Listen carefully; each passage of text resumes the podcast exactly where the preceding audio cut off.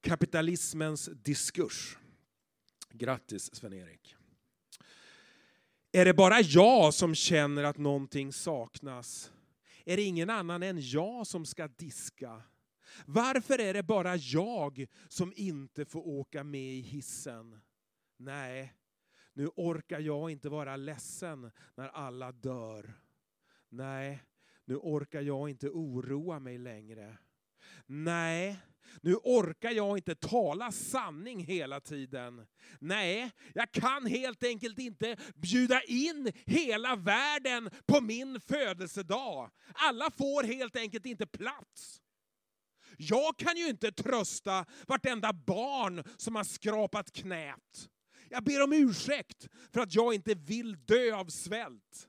Nej, nu orkar jag inte vara så där överdrivet mänsklig. Hur skulle jag kunna rädda alla människor som håller på att drunkna? Hur skulle jag hinna med det? Hur skulle det gå till? Det är väl ändå inte bara jag som röstar i det här landet? Det är väl inte bara jag som har dricksvatten i kranen?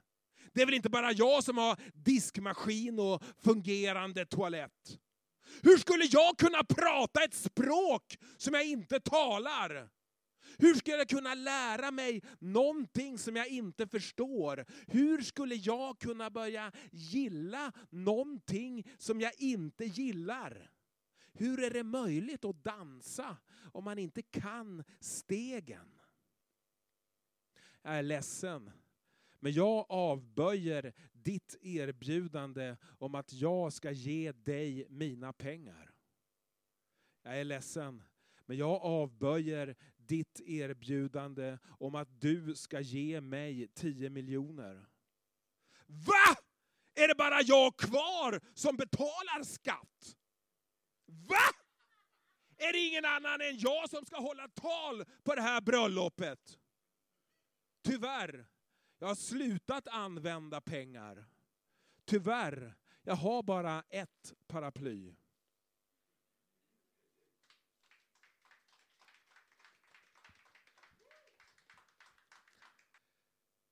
Tänk om.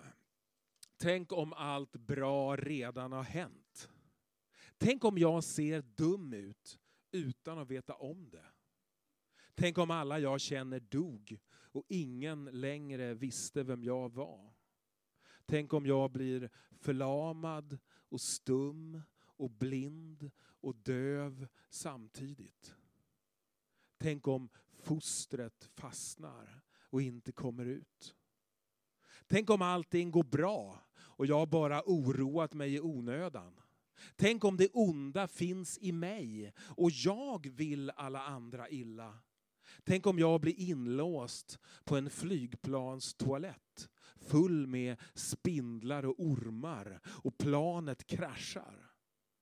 Tänk om jag skulle bli instängd i ett rum med 500 nedsövda råttor. Och nu börjar de vakna. Tänk om jag skulle vakna upp långt ner i marken instängd i ett trångt avloppsrör. Tänk om jag hade en siamesisk tvilling och den andra var en psykopatisk massmördare. Tänk om jag ska opereras, men narkosen tar inte och jag kan inte meddela det. Tänk om jag slutar förstå vad jag läser och börjar tro att bokstäver är krossade insekter. Tänk om jag var tvungen att stiga på en liten, ranglig, överfull båt utan flytväst och åka rakt över havet. Tänk om jag skulle surras fast, ansikte mot ansikte, mun mot mun med ett multnande lik. Tänk om jag skulle försvinna ned i ett hål och hålet försvann. Tänk om jag blir en dag äldre för varje dag som går. Tänk om alla mina organ, mina celler, mitt blod, min hjärna för varje dag som går fungerar lite, lite, lite sämre tills ingenting fungerar alls. Tänk om det här är min sista dikt.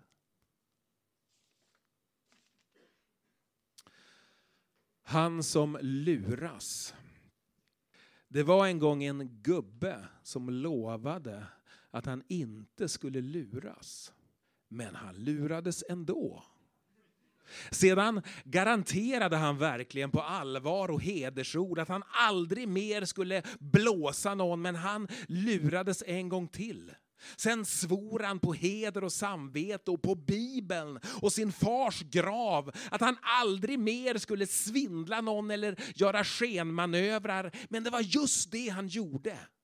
Sen lovade han, och den här gången på riktigt och seriöst och på dödligaste, blodigaste allvar, att han aldrig mer skulle fara med osanning, för den tiden var förbi och han hade mognat och gått vidare. Men sen lurades han ändå.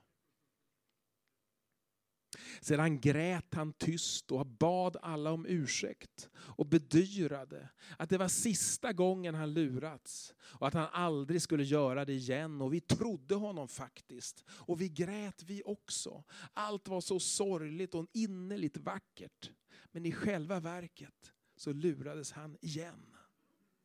Sedan skrek och svor han och anklagade oss för att vi inte trodde på hans löften om att aldrig mer lurats och att det i själva verket var vår brist på tillit som förlett honom till bedrägeri och vi ransakade oss själva och bad om ursäkt. Jo, ja, det stämde nog att vi tvivlat en smula och vi lovade att vi denna gång litade på honom 100 procent. Men tyvärr visade det sig att han lurade oss igen. Sedan såg han på oss och sa, titta på mig, se i mina ögon. Jag ska inte ljuga mer. Jag förstår verkligen att det här måste vara svårt att lita på mig. Och jag ber om ursäkt för alla gånger jag har svikit. Men jag lovar på heder och samvete att jag talar sanning den här gången. Men tyvärr var allting en bluff. Till sist satte han allt han ägde, sina barn och sin gamla mamma i pant och avlade en helig ed på att aldrig mer luras. Men det var helt enkelt för svårt för honom.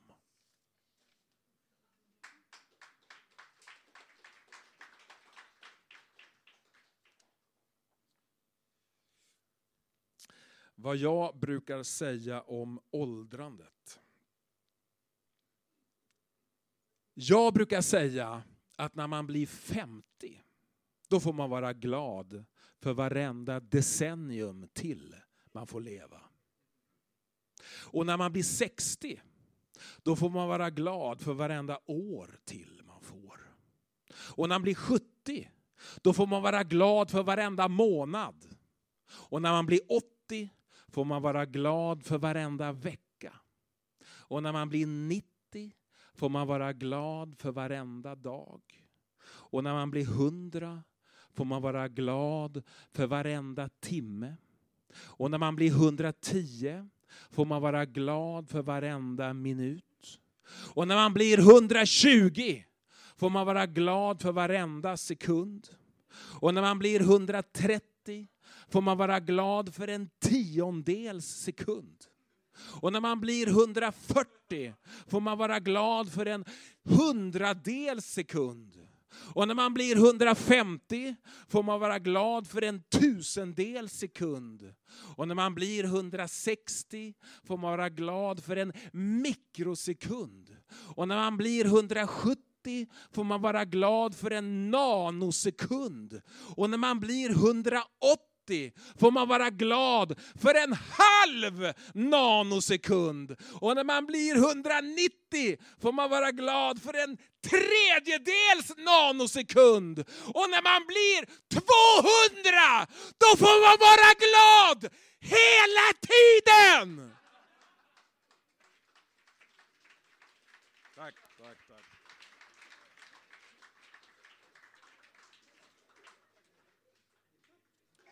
Jag gjorde en liten miss där, men ni kanske inte märkte något.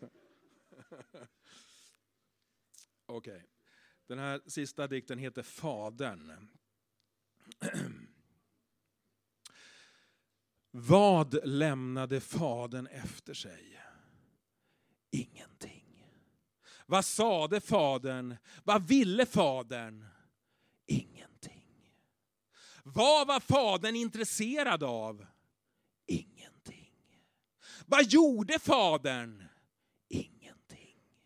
Vad hoppades fadern på? Vad längtade fadern efter? Vad tänkte fadern om barnet? Ingenting.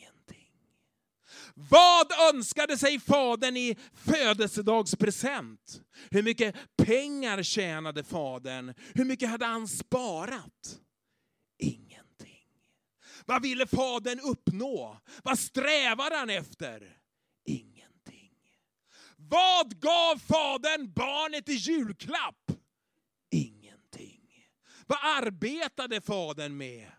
Ingenting. Han bara dog. Hur mycket visste fadern om rymden? Hur mycket visste fadern om andra världskriget? Vad kände han till om matlagning och trädgårdsodling? Ingenting.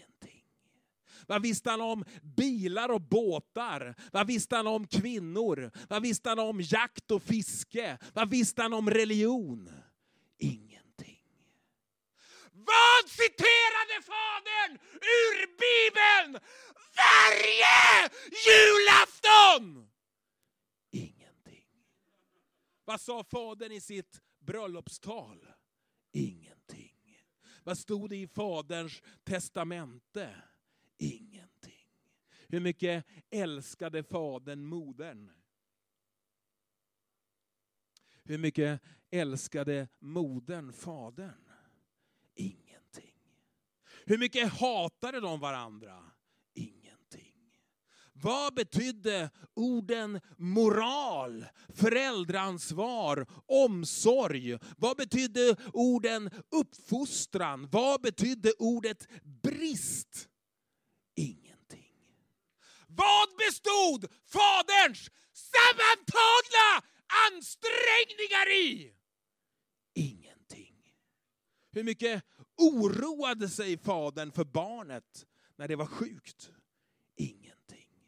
Hur mycket berättade fadern om sin egen barndom? Ingenting. Han dog. Han bara dog. Hur mycket längtade fadern efter barnet? Ingenting. Han dog. Vad sa fadern sekunden innan han dog? Konstpausar. Sa han någonting eller inte? I leave it with you.